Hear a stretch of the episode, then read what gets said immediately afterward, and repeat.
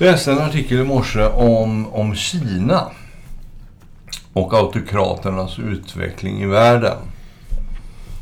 Och den ledde, ledde till att fundera kring Europa. Alltså, vårt, vårt utsatt, vår utsatthet, eller så, som jag läste i någon annan artikel. Vi köper vårt försvar från USA, vi köper vår energi från Ryssland, vi köper våra varor från Kina. Och så tror vi att välståndet är oss för evigt givet. Och så gnabbas vi med varann så att inte vi får ut någon effekt utav vårt samarbete. Ryssarna har ju insett det här, så de försöker slå in kilar. Och kanske till och med kan lyckas med det. Det är ju jobbigt att vara eh, stödjande till Ukraina på sikt kanske.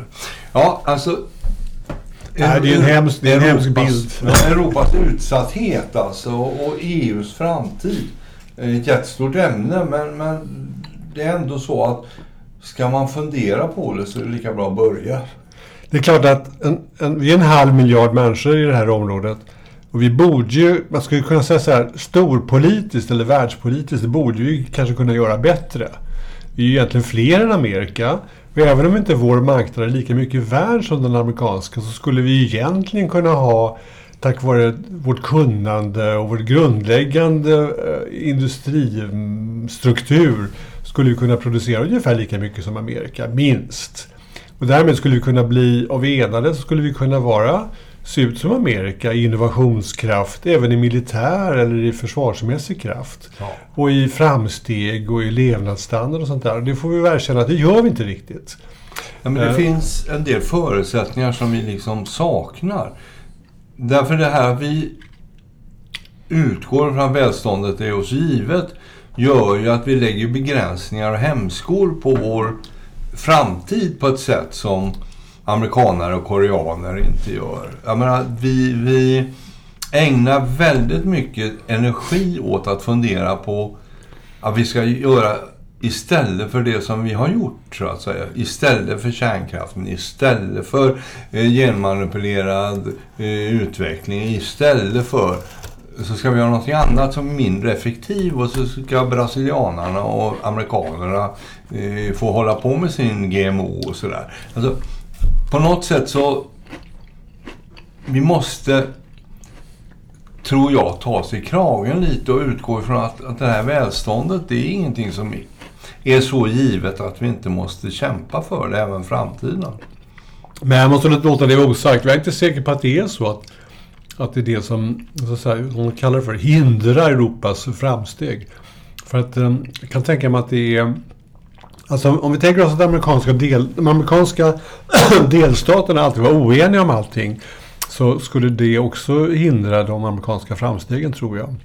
Jag kan tänka mig att det var, eller hade svårt att hitta enighet och tvingades sig själva till total enighet i varje steg. Skulle jag tänka mig att det också var en hämsko på den amerikanska utvecklingen. De, de behöver ju inte riktigt det. De kan ju mycket mer uppträda som en enhet.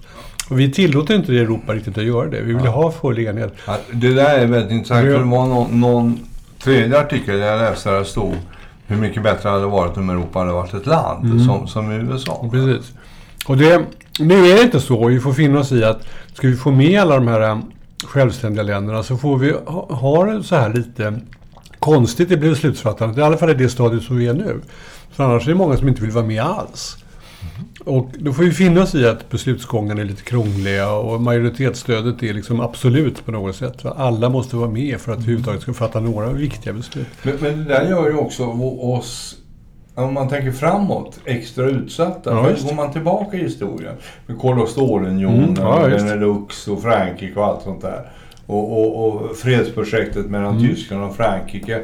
Som, som ju har varit bärande för Europa fram till nu. Mm så har ju det varit, det har verkligen varit ett lim. Men nu när vi tänker framåt, som du sa förut, kommer EU att överleva om fyra år om Le Pen blir president i Frankrike? Mm, ja, visst. Och, och, och det, då är vi ju faktiskt på ett gungfly, för då vet vi ju egentligen inte om vår basstruktur är hållbar över, över tid, så att säga om vi hela tiden ska oroa oss för val i Tyskland, Frankrike, och Italien, och Spanien och Sverige och, eh, och sen England utanför och kika på, eller Storbritannien. Alltså det, det, det är en är fundamental svaghet i, eh, i vår, vår konstruktion. Om vi är skraja för att vi skulle helt plötsligt bli f- frexit och sådär. Nej, men det är klart att det är, det är en brist i, i den, liksom, i det, det stora samhället som vi ingår i så är det en svaghet. Det är klart att det är. Vi kan inte göra så mycket åt den. Därför att den, den är där och att, över- att överhuvudtaget lyckas bilda ett EU får man säga är en bragd om framgång och den grundläggande principen att inte Tyskland och Frankrike ska kriga med varandra har man lyckats, lyckats uppnå. Och så finns det så har det uppträtt andra nackdelar på vägen kan man ju också säga. Att, att, ja, hur, hur som helst, det finns svagheter i den liksom EU EU-enhetens eh, e bildande och eh, fortlöpande arbete. Visst är det så. Men vi kan in, det är svårt att idag se hur det skulle kunna göras bättre. Vi kan, man skulle ju önska saker. Man skulle kunna önska att vi var amerikanska federala stater. Man skulle kunna önska att vi hade en mera enhetlig politik och så fick de som tyckte annorlunda finna sig i att tycka annorlunda och i någon sorts röstningsförfarande då ha mer inflytande över som, hur politiken förs i Bryssel. Men, men där är vi inte idag. Utan vi måste se till att alla länderna håller med eh, styrande någorlunda på något sätt. Eller egentligen inte, att det egentligen inte finns något styrande utan de, de, alla länderna tillsammans styr.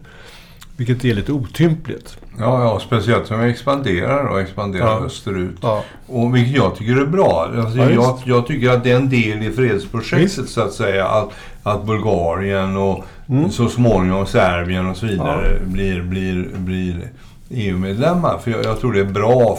Vi har krigat tillräckligt i den här delen av världen så att säga. Och, Och nu krigar vi ju igen. Så. Ja, och om man vill, om man vill trösta sig så kan man säga så här, det finns ju någonting som gör att väldigt många människor i Mellersta Östern och Afrika inser att det finns det är egentligen bara Europa som man kan åka till om man vill lämna sitt eget land eller sin egen region.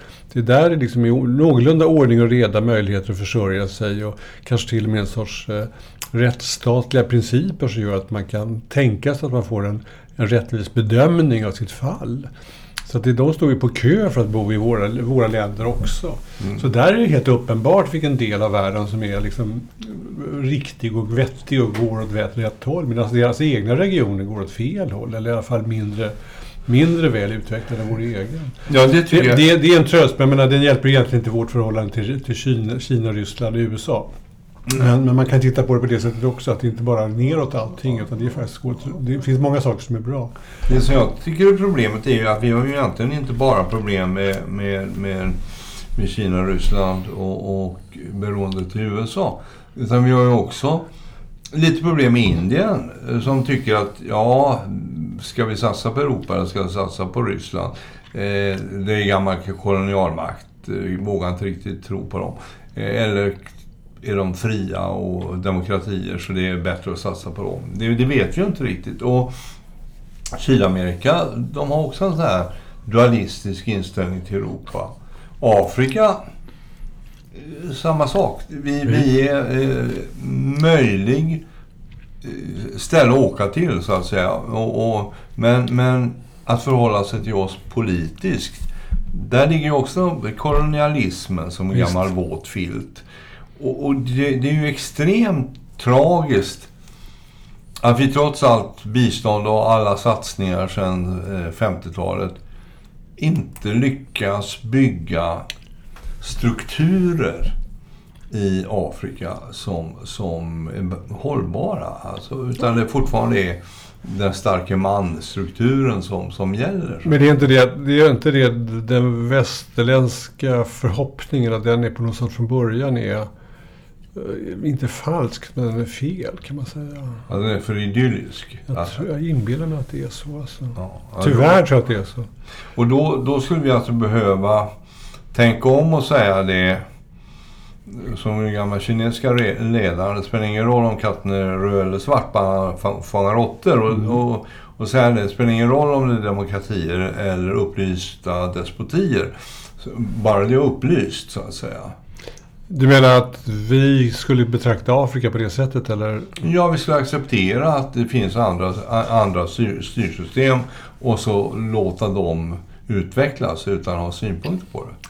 Nej, jag syn- tycker det vore... Nej jag- men, nej, men inte synpunkter. Det är inte det jag menar. Jag bara menar att att mycket av vårt eget bistånd till Afrika kanske har gjorts med, med förhoppningen om att de snabbt ska bli välartade eh, väst, till och med västeuropeiska länder eller någon sorts USA-liknande i sitt sätt att se på demokrati och sjukvård och sådana saker.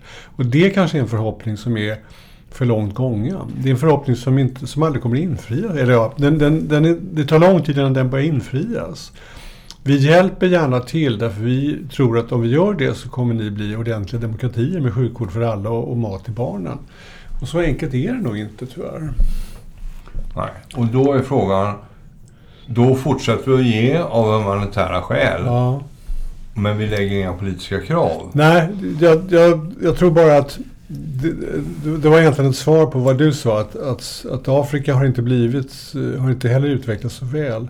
Nej, det tror jag är riktigt. Det tror jag är snarare så att det var ganska självklart. Det är mer våra egna brustna förhoppningar som har spruckit. Det är våra förhoppningar som har spruckit. Snarare än att Afrikas utveckling har spruckit. Ja, Afrika liksom tuggar väl på i sin takt åt det hållet som Afrika vill. Och det är ju dessutom ett gigantiskt kontinent med många olika länder som går lite, lite olika håll. Va?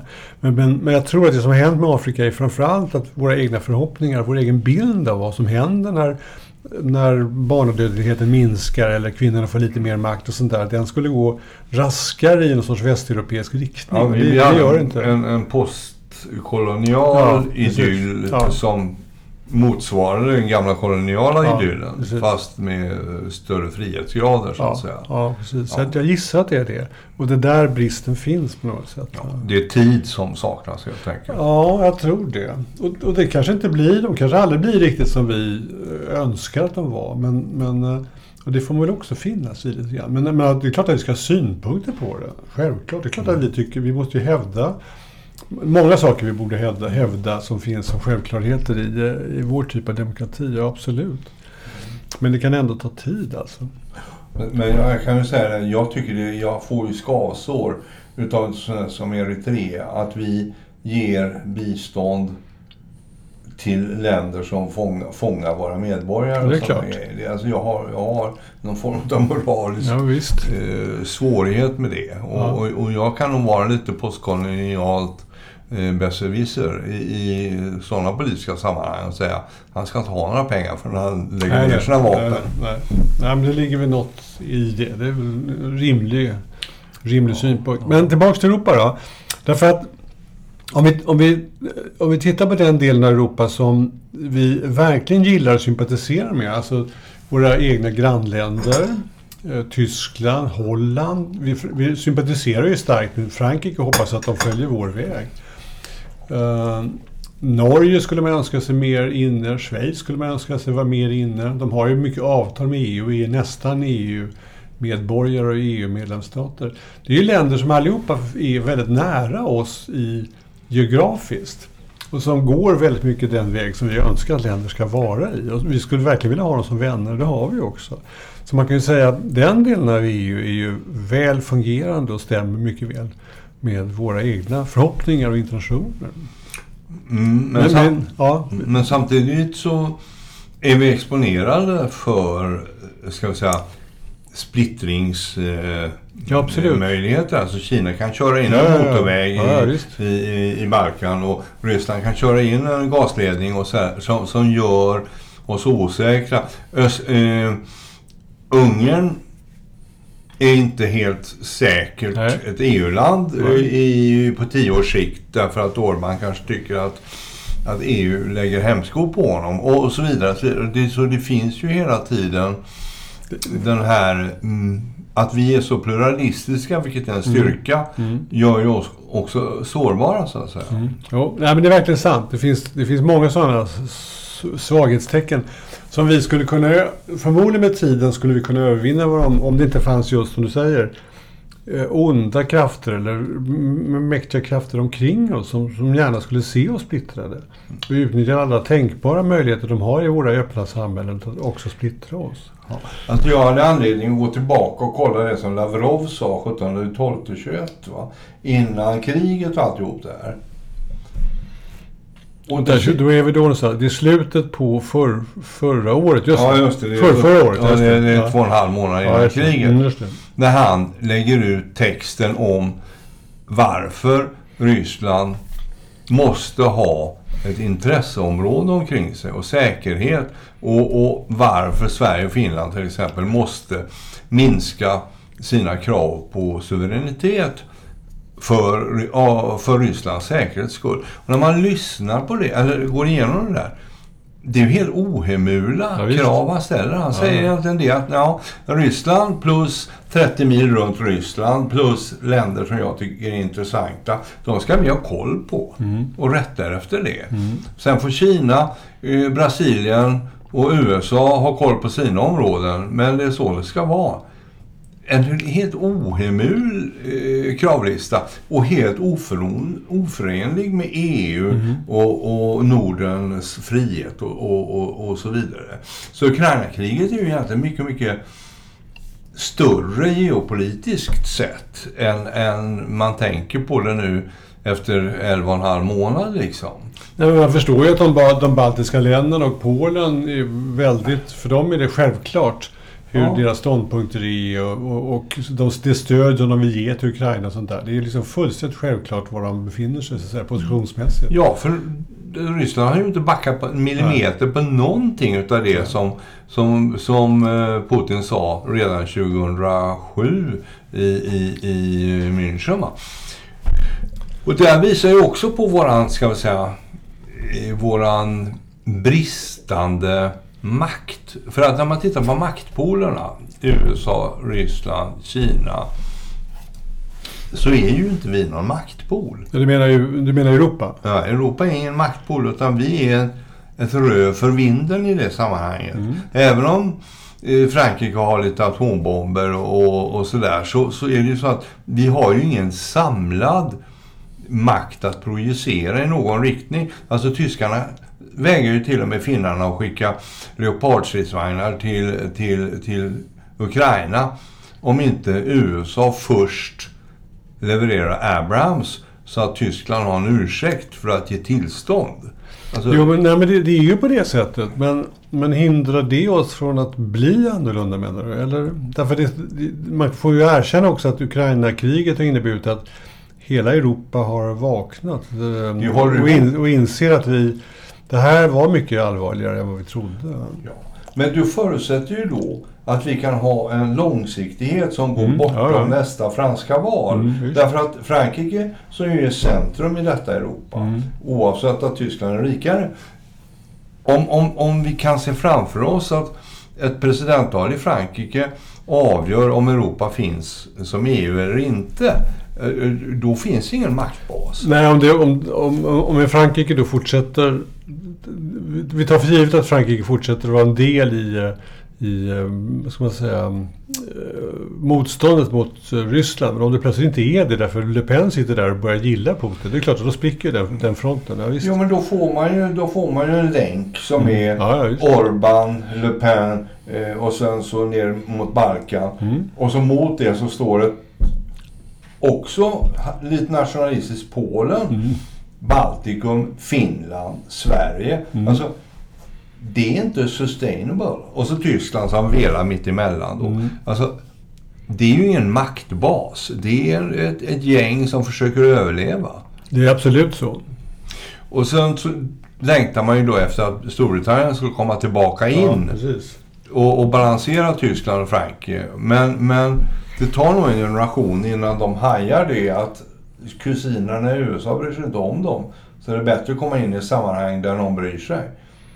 Och så kommer de med i EU igen. Ja, Storbritannien just nu vet man ju inte riktigt vart, vart de kommer att hamna så att säga. De, alltså när man läser brittisk press, det som slår en är ju hur vilsna de är. Det är klart. Det blev inte som vi trodde, tycks vara. Och sen så har de ett helsike med inflation och energi och det ena med det fjärde, precis som vi Ja. har. Ja. Men de är ensamma i detta på ett annat sätt. Och de vill inte erkänna att de har gjort fel. Det är ju en väldigt, väldigt stark, väldigt stark och naturlig reaktion också. Det ser man ju. Hela deras politiska etablissemang är ju, de är vilse i pannkakan. Ja, till slut så börjar de skylla på 100 000 polska långtradarchaufförer som har åkt hem. Det är deras fel på något sätt. Ja, och det, till och med det ser man ju att de har problem med National Health Service därför att polackerna som skötte de sjuka åkt. Ja, det är faktiskt ganska intressant men, men hade det inte varit så alltså, så farligt för Nej, Europa. visst, det är ju så, det. Så, eh, hade man kunnat le åt det. Men, men nu, nu, jag skulle gärna vilja att Europa var tryggt. Alltså att, att. Europa eh, liksom... Att det var eh, långsiktigt klart att det spelar ingen Mm. roll om det blir Le Pen. EU håller. eh, Och, och, och vi kommer att eh, få successivt bli en av polerna i den multipolära världen. Mm. Om sen stolpen står i Paris eller i, i Berlin eller i London, det spelar inte så stor roll. Men, men vi behöver i alla fall vara en av de här eh, eh, polerna. Ja, det är absolut så. Jag funderar på alltså att, att sådana klassiska EU-länder som Italien och Frankrike, stora ekonomier och också långvariga EU-medlemmar, mycket längre än vad vi har varit egentligen, alltså Sverige.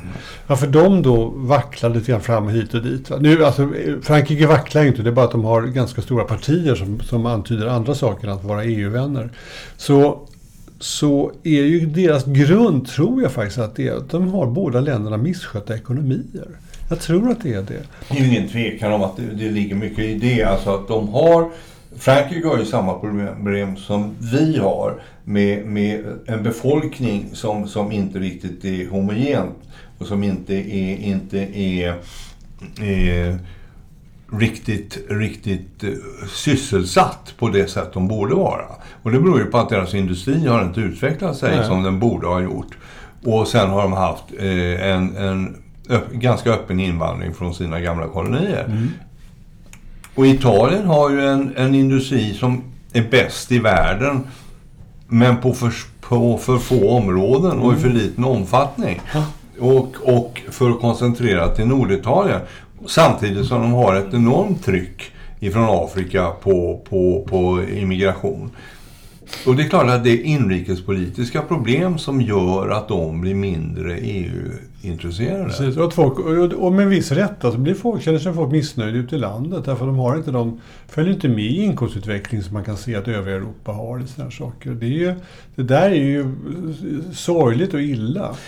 Samt, samtidigt så kan man inte låta bli att bli förvånad. För när man är turist i Portugal eller Italien och så vidare.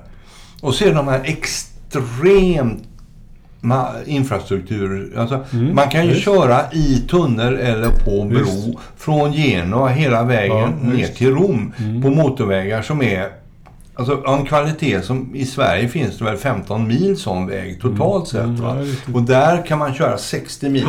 Och så vid sidan av det så går det ett snabbtåg som går i 350 km eller 320 km i timmen. Och som går på tid och som man susar ifrån Milano till Rom på två timmar. Alltså, och det är ju EU som har betalt det där. Mm. I, här uppe lever vi ju på 60-talet när det gäller tåg och, och på 70-talet när det gäller vägar. Och, och jag tycker det är märkligt det här. Det är precis som med löneökningar. Tre sekunder efter man har fått den så är man av- avundsjuk på nästa löneökning. Att man har fått en motorväg mellan Porto och, och, och Porto och Lissabon. Men ja, den är ju där nu. Nu har jag en ny som går till spanska gränsen. Alltså, det, det, alltså mycket vill ha med på något sätt. Jo, men det är sant. finns ingen tacksamhet mot EU Nej, det är någonstans. Nej, det är nog sant. Men jag tror tyvärr att både, både Italien och Frankrike lider lite grann av det här som vi också lider av. Alltså att de gamla brukssamhällena eh, inte är lika, är inte lika starka små industricentra längre. Utan det finns en storstadscentrering som inte riktigt landet hänger med i på något sätt. Ja, och det där, det där blir ju ganska tydligt. Ja. Därför att om man till exempel för 30 år sedan, för att nu anekdotiskt igen, alltså när man köpte en kostym. Mm. Gick man in på Lund och Lund. Eh, ja, detta företag som har en direktör som man köper kostymer av den typen. Ja. Och så köper man, och då är kostymen eh, italiensk. Visst. Och så kostar den 8000 spänn. Mm. Mm. Vilket var mycket pengar då. Mm. Går man in på Lund och Lund idag. Och köper man inte kostym längre eftersom man är på nedstuds. Men man kan köpa en sommarkavaj. Och då säger de så här, ja du kan köpa den eh, och då syr vi som vi gjorde förut i Italien. Och då kostar den 38 000. Eller så sy- syr vi den eh, någon, någon annanstans i Europa och då kostar den 28 000 spänn. Mm. Eller så kyler vi den i Kina och då kostar den 12 800. Mm. Ja, och, och alltså skillnaden är inte senare fyra gånger. Och då är det den grupp människor som satt i Neapel och sydde de här kostymerna för 30 år sedan. De har prisat sig bort från marknaden. För det är ju liksom... Numera är det ju bara eh, Agnelli himself i, i Milano som ska ha råd att köpa den kostymen. Och så några riskkapitalister. Men, men alltså, det, är en, det har blivit en enorm avindustrialisering av Europa därför vi prissätter oss på ett sätt som vi själva inte har råd med. Och då blir det Bangladesh eller Kina istället. Och vi vill inte betala de priser som, eh, som det kostar extra att få den sydd i Europa. Så säga. Nej, det är ju få av oss som har... Ja, visst. alltså, även direktörslöner, även om de har ökat mycket mer än alla andras löner. I, även för en, en, en medeldirektör så är 40 000 spänn för en svid ganska mycket pengar. Jo, det är det. Men det jag menar är så här att, att vi, man, äh, vi, vi behöver inte gå in på det. Men Ja. det, det, vi, vi gladdes åt de billigare grejerna och kostymerna som vi kunde få från bortre Asien. Och tänkte inte på att det vi gjorde var egentligen att vi inte köpte från våra egna industrier som då tvingades lägga ner. Vi såg, och det var inte så jävla lätt för en vanlig konsument att se det spelet. Ja, men tänk vad fort det 20 år gick sedan. Ja, också. just. Ja, ja, alltså, vi var i Borås på 70-talet. Ja, just det. Ja, och så köpte Boråsföretagen, så fort Baltikum blev fritt, så Just. köpte de stora textilindustrier i Baltikum. Och så tio år senare så är de nedlagda också därför att Mm. just. allting ligger i Bangladesh eller i Kina. Mm. Och det här har vi ju själva frivilligt åstadkommit. Verkligen. Och det där är ju, för att klara det så måste man ju... Dels ska man vara ett litet, litet, ett mindre land som Sverige som är lite mer hanterligt och vi, inte ens vi klarar det. Och är man ett stort land som är fem, sex gånger större som Italien och Frankrike så blir det naturligtvis rätt svårt. Det blir en svår politik att hantera det alltså. Och de komparativa eh, fördelarna som bestämmer var man köper ifrån i den här ska jag säga, eh, globala världen hade ju inte varit ett problem om det inte hade funnits ett politiskt överlager. Så, alltså, om Kina hade varit som det var för 20 år sedan Mm. och inte haft imperieambitioner. Om Ryssland hade varit som det var för 20 år sedan och på väg mot någon form av liberal autokrati. Det hade inte heller varit problem. Men nu när de här länderna har blivit antingen skraja som Ryssland eller rika som Kina och fått geopolitiska ambitioner, ja då, då funkar ju inte det här längre. Då kan inte vi vara nöjda med att kostymerna sys i Kina längre. Utan, Men jag tror att de inrikespolitiska problemen i vissa delar av Europa, hade, framförallt då Italien och Frankrike, den typen av gamla industriländer, de hade nog funnits där i alla fall. Alltså, hur snälla Kina än hade varit så hade Kina nog ändå gärna tillverkat eh, konfektion, alltså konfektion och annat för Europas marknad. Och det hade inneburit ett svårt... Det hade varit en jävla press för, för europeisk industri. jo, det är klart, men då inbillar man ju sig att Alstom hade kunnat göra lite fler atomkraftverk och Mm. att, att Ja. eh, man hade kunnat göra lite high-tech i, i Sydfrankrike och, och, och, och så vidare. Och lite mer flygplan i, i Toulouse och sådär. Det är ju det som... Jag menar, vi la ju ner en hel eh, textilindustri. Och så la vi ner en hel varvsindustri. Och så hade vi tur att få en bilindustri som åt upp det här. Mm. Och då är frågan, överlever vi att vår bilindustri flyttar till Kina om fem år eller tio år? Mm, det är ju svårare. Men Sverige som du säger är ett litet land och därför har det varit lättare att dra fördel, fördel av globaliseringen. Mm. H&M har köpt prylar i Bangladesh Just. och så säljer vi det i hela världen och så tjänar vi pengar på mellanskillnaden. Volvo och, och Scania de gör lastbilar. Därför där har vi en tidslucka där vi fortsatt Mm. kan vara industrialister.